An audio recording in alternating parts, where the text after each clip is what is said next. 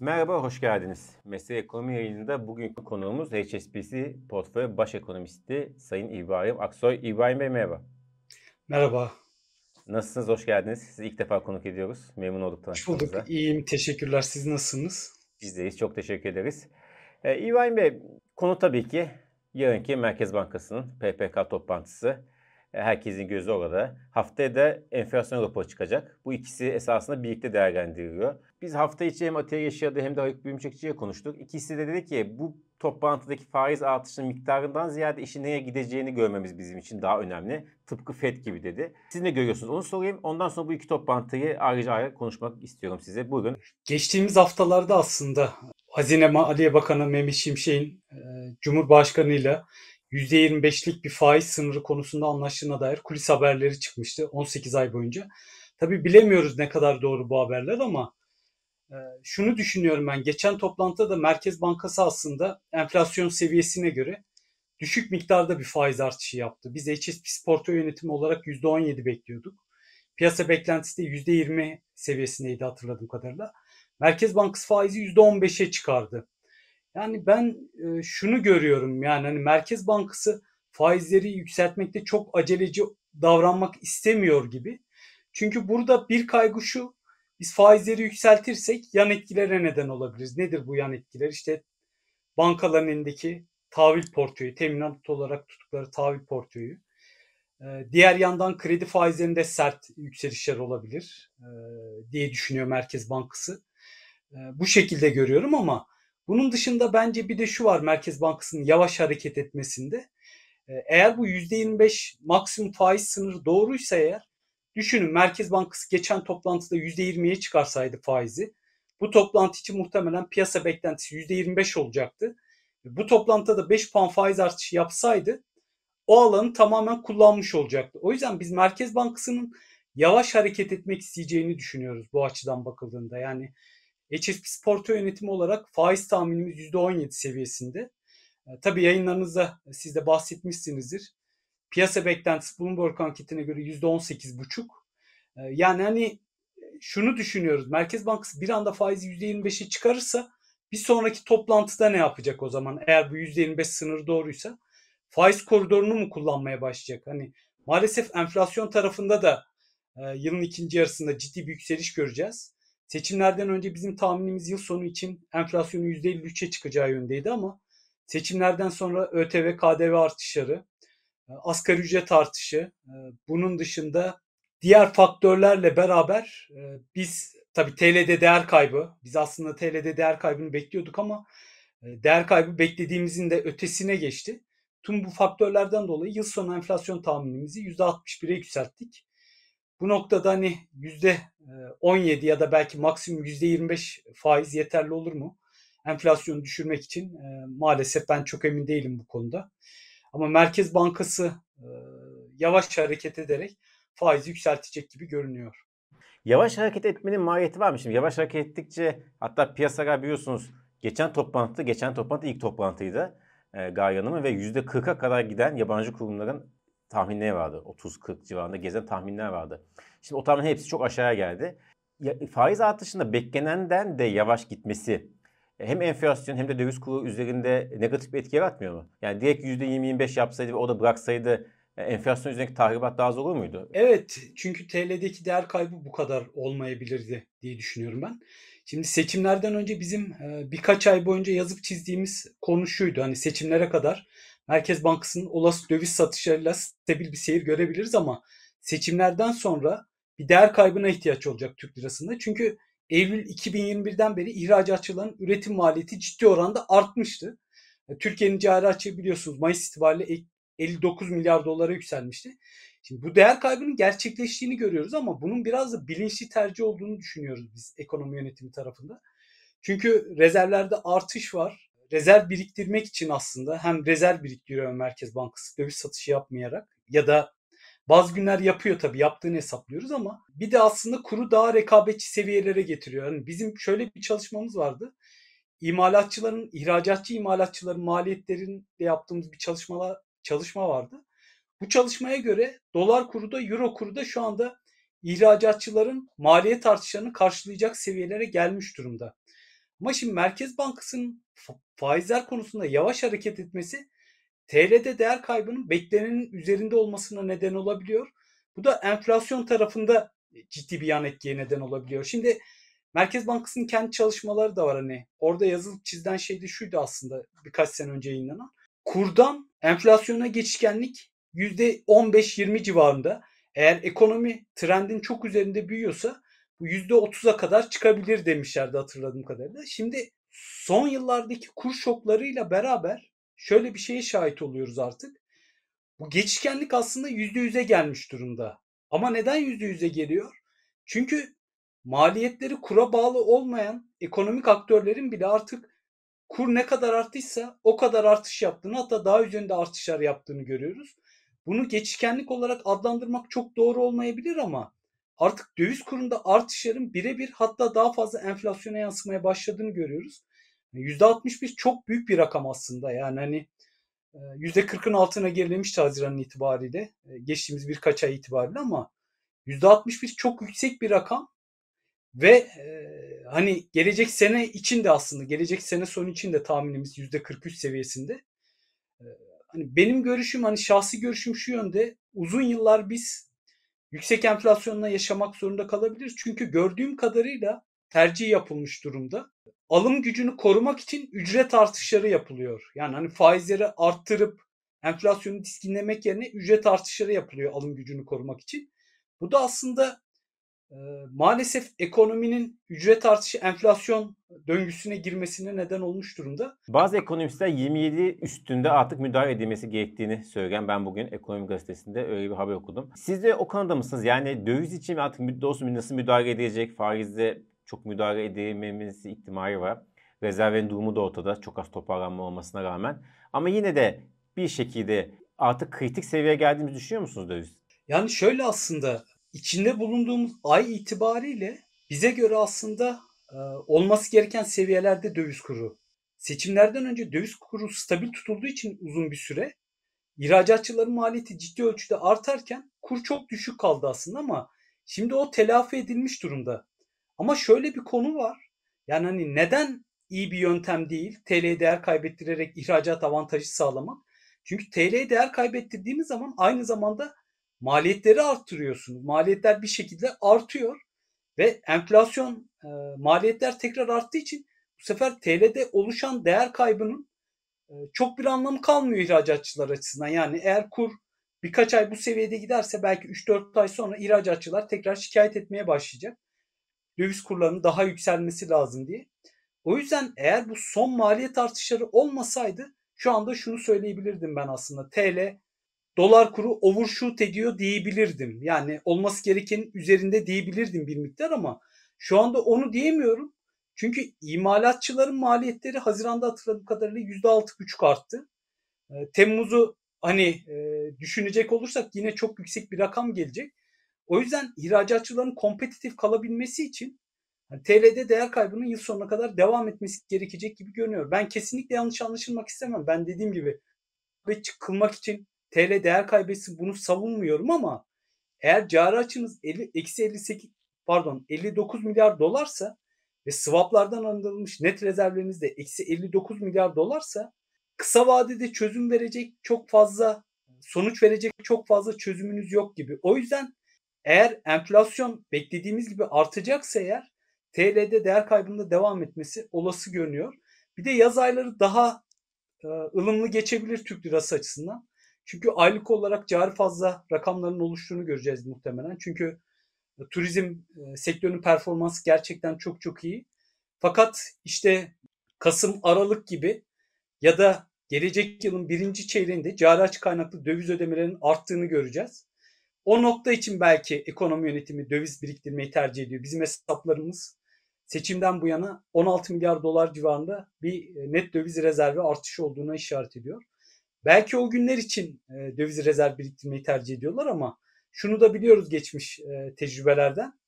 Hani e, hızlı bir döviz e, rezerv birikimi oldu ama bu rezervlerin harcanması da çok çok kolay olabiliyor. Peki Merkez Bankası'nın net fonlaması ne, negatife geçti 4 sene sonra. Şimdi şöyle aslında bankacılık sistemi elinde Türk lirası likiditesi fazlası olursa bunu Merkez Bankası'na borç verir. Gecelik e, borçlanma faiz üzerinden Merkez Bankası'nın. Ama eğer TL likiditesine ihtiyacı olursa da bunu Merkez Bankası'nın haftalık repo ihaleleriyle Merkez Bankası'ndan alır. Şu anda görünen şu yani hani bir olasılık olarak bunu söylüyorum. Son günlerde kredi artış hızında çok ciddi bir yavaşlama var. Bu nedenden dolayı bankacılık sisteminin elinde e, Türk lirası birikmiş olabilir.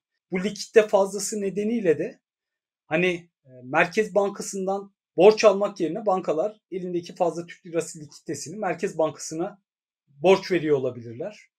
E, çünkü bu eğer kendi kasalarında kalırsa bunun hani bir fırsat maliyeti var aslında. Onun yerine bir faiz gelir elde etmek istiyor olabilirler. Diğeri şu olabilir. Ben verilere baktığım zaman şunu görüyorum aslında.